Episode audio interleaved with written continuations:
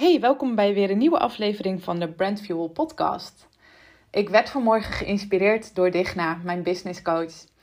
Ik heb uh, één op één coaching van haar in een jaartraject. En in het traject zitten wij met een groep vrouwen, waarbij uh, er ook groepselementen in het traject zitten.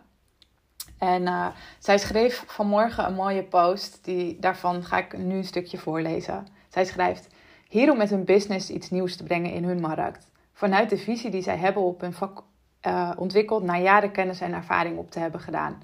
Als freelancer onder andere. Noem het ontregelen en opschudden. Noem het een beweging starten. Noem het een revolutie leiden. Ik noem het in elk geval fucking inspirerend, dapper en echt elke dag weer de brandstof achter wat ik doe. Dit mogen begeleiden, dit vormgeven samen met hen, hen genadeloos aan het roer zetten, op koers naar freedom. Um, ja, en ik vind het wel leuk om hier iets over te delen, omdat uh, ja, hier zit zoveel in. Um, nou, allereerst lijkt het me leuk om gewoon eens te delen waarom ik bij haar ingestapt ben. Uh, omdat ik regelmatig ook wel deze vraag krijg. Uh, er zijn wel meer ondernemers die het gewoon leuk vinden om, ja, hè, om eens te weten van waarom ben jij nou ingestapt? Wat doe je precies in je traject? zeker als je je als ondernemer wilt ontwikkelen, dan, um, ja, dan, dan uh, is het soms best wel zoeken natuurlijk naar de juiste soort coach. Uh, ja, ligt het ook van waar, waar, waar loop je tegenaan? Wat vind je belangrijk? Um, dus ik vind het leuk om daar een stukje over te delen. Waarom ik zelf bij Digna ben ingestapt. En um, nou ja, sowieso, eh, Digna en ik kenden elkaar al een aantal jaar. Um, ik vond haar sowieso altijd al inspirerend in haar content. Zij heeft gewoon een ongelofelijke kennis uh, werkte ooit als copywriter, maar eigenlijk doet die term haar geen recht, want ze is zoveel meer dan dat. En um, ja, vanuit uh, dat ze dat deed, zag ik haar vaak al toffe dingen doen. Uh, heb ik haar al vaker benaderd van dich, ja, ik heb een beetje hulp nodig bij dit of dat. Zou dat iets voor jou zijn? En ja, daar kwam eigenlijk nooit, ja, daar, daar, we zijn eigenlijk toen nooit gaan samenwerken. Maar um, ja, er rommelde bij mij gewoon heel veel vorig jaar. Ik ben vorig jaar juli mama geworden. En um, voor mijn verlof ben ik uh, bezig geweest met het opzetten van een template shop. Nou, ik, uh, ik, zoals je misschien weet, ben ik uh, webdesigner en werk ik met een platform dat heet Squarespace. En ik voelde toen de behoefte om daar ja, producten voor te ontwikkelen. Uh, waarmee ik zeg maar ook startende ondernemers kon helpen. Dus ik wilde daar een template shop voor opzetten. Waarmee mensen zelf konden leren een, hun eigen website te bouwen. Um, dus daar ben ik best wel een tijdje mee bezig geweest om dat op te zetten. Dat, technisch uh, stond dat allemaal. En toen kwam ik erachter dat je daar eigenlijk gewoon ontzettend veel marketing voor moet doen. En dat ik daar compleet op leeg loop. Um, ja, en het idee was dus ook om voor mijn zwangerschapsverlof dat allemaal te hebben staan, zodat ik tijdens mijn verlof toch een vorm van uh, inkomen had. Um, maar ja, toen bleek dat dat gewoon echt niet uh, helemaal automatisch loopt, zonder dat je daar zelf ook echt wel tijd in moet stoppen. Um, dus toen ik eenmaal uh, een moeder was geworden in juli en in oktober weer startte, toen voelde ik dat ik dingen anders wilde gaan doen. ik voelde dat er ja, dat er bij mij heel veel borrelde. Ik voelde dat, ik veel, dat er veel meer in me zat. Dat ik veel groter kon. Um, daarbij uh, ontdekte ik dat met de geboorte van Harvey... dat eigenlijk uh, het moederschap me zo makkelijk afging. Um, ik zat daar eigenlijk vol overgave in. En ik vond het zo leuk om zijn mama te zijn. Uh, en ja, dat, dat ging me gewoon zo goed af. Dat ik dacht, die overgave die ik ervaar in het moederschap die wil ik meenemen in het ondernemerschap. En uh, ja, de eerste paar jaar van, van dat ik uh, begon met ondernemen, ja, dat voelde ook vooral als spelen. Ik had niet echt een vast aanbod. Ik werkte als grafisch ontwerper, dus ik deed ook vooral veel wat op mijn pad kwam. Maar echt heel uh, strategisch kijken naar, oké, wat... Uh, waar wil ik me in specialiseren bijvoorbeeld? Of echt een niche kiezen qua doelgroep.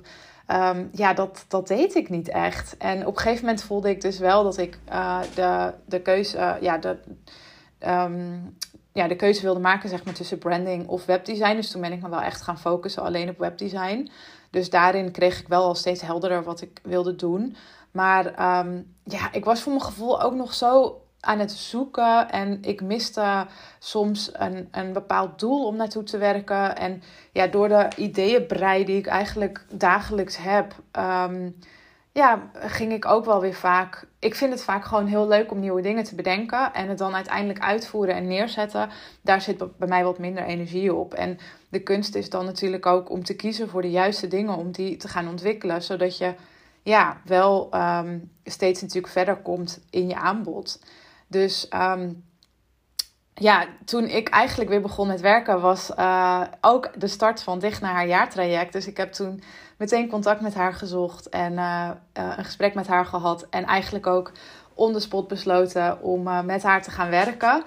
Ja, dus vooral met de intentie van dat, dat die, die overgave die ik ervaar, die wil ik heel graag in het ondernemerschap meenemen.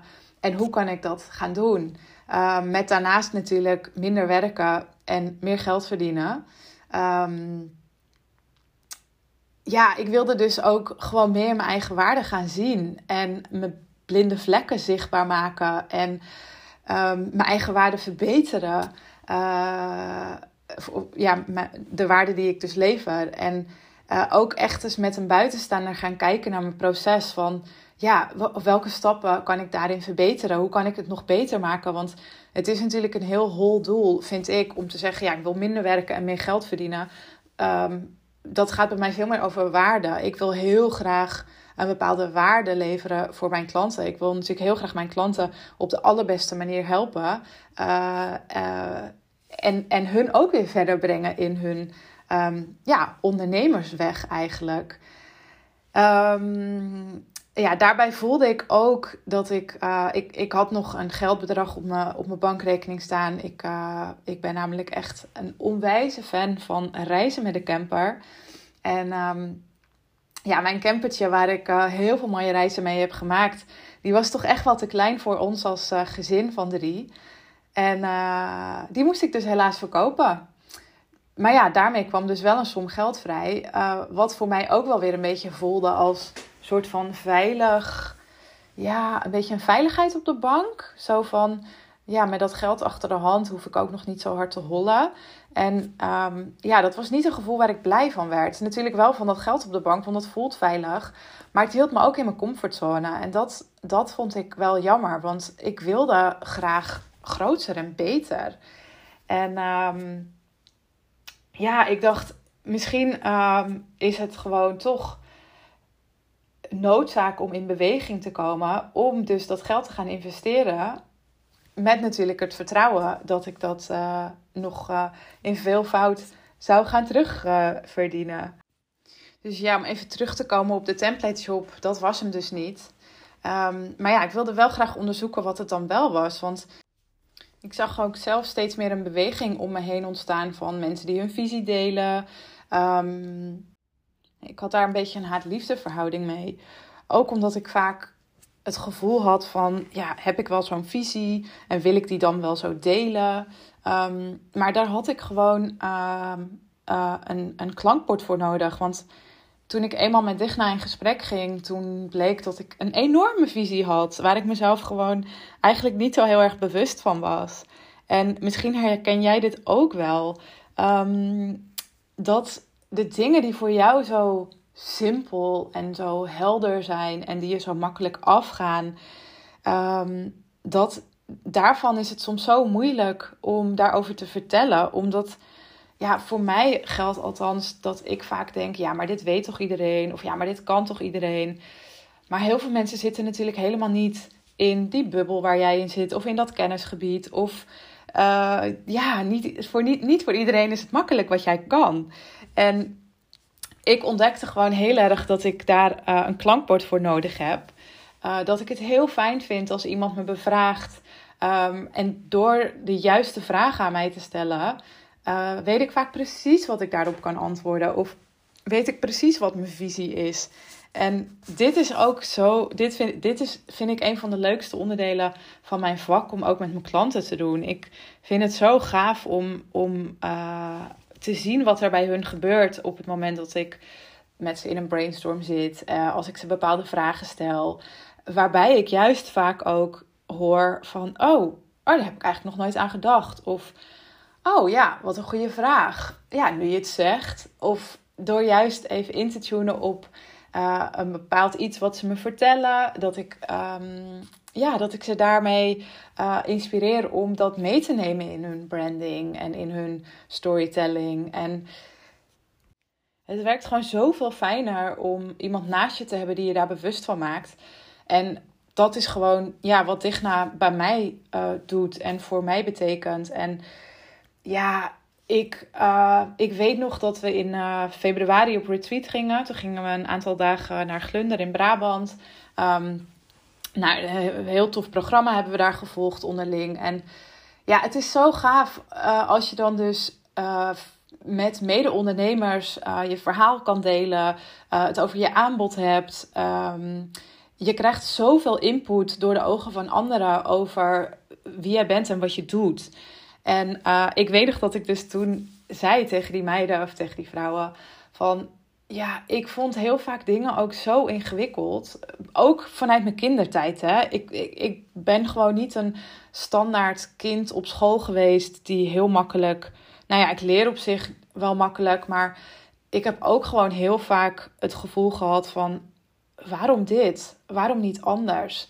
Uh, bijvoorbeeld mijn, mijn gevoeligheid, mijn sensitiviteit ja, dat uitte zich bij mij toen ik kind was altijd als heel assertief en brutaal gedrag. Maar er was bijna nooit iemand die dat zag als: dit is eigenlijk gewoon een heel gevoelig kind die niet weet wat er allemaal in haar omgaat. En um, ik kon dat zelf ook gewoon niet goed. Uh, ja, ik snapte dat als kind gewoon niet goed. Maar ik, ik, ja, ik, weet, ik, ik noem het vaak ook zo. Je, je merkt ook, ik kom meteen al niet uit mijn woorden als ik terugdenk aan die tijd. Ik snapte gewoon vaak dingen niet. Ik snapte volwassenen niet. Uh, dingen waren voor mijn gevoel vaak heel anders dan dat met name volwassenen dus deden voorkomen. En um, ja, dat heb ik dus in mijn ondernemerschap ook wel weer soms ervaren. Dat ik mezelf soms heel vast kan denken of uh, dingen heel ingewikkeld kan maken die het dus helemaal niet zijn. Zeker niet als je de juiste hulp naast je hebt. Dus ik zei ook tegen Digna, ik vond dingen altijd heel ingewikkeld en nu lijkt het allemaal zo makkelijk te gaan. En ja, dat vind ik dan dus ook weer het mooie wat ik net al zei over die overgave.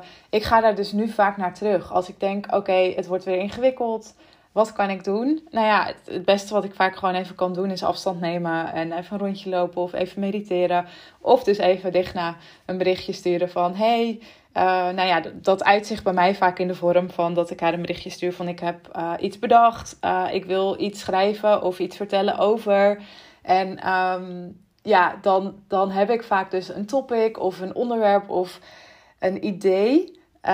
en uh, wat er dan vervolgens in mijn hoofd vaak gebeurt, is dat ik mezelf vastdenk. Dus dan, uh, dan raak ik een beetje de essentie kwijt waar ik over wil vertellen. Um, dus ik uh, stuur haar dan gewoon een verhaal van: hey, ik had dit in, in mijn hoofd, ik heb dit bedacht, of ik voelde dit opeens, of ik heb hierover nagedacht. en ik wil dit en dit en dit vertellen. Nou, dan stuur ik haar vaak bijna een podcast aan informatie. En dan stuurt zij mij heel vaak de essentie terug van... Lian, dit is gewoon wat je wil vertellen. Of soms helpt ze me door te zeggen... Oh, maar dit is de titel. En dan weet ik wat ik daaromheen kan gaan maken. Of um, waar ik soms denk eh, van... Oké, is dit... Eh, voor mij eh, wordt dit nu heel warrig wat ik wil vertellen. Of is dit een duidelijk verhaal? En dan soms geeft ze me mee... Nou, doe even meer dit of dat. Soms uh, geeft ze uh, gewoon aan, Leon, dit is goed, niks meer aan doen. En uh, dat werkt zo fijn. Ja, vanochtend ook weer. Ik ben dus nu bezig met de teksten voor mijn website. En um, die heb ik zelf geschreven. En vanochtend zag ik haar feedbackdocument. En ja, dan word ik daar zo blij van. Zij heeft dan die teksten dus ja, geredigeerd.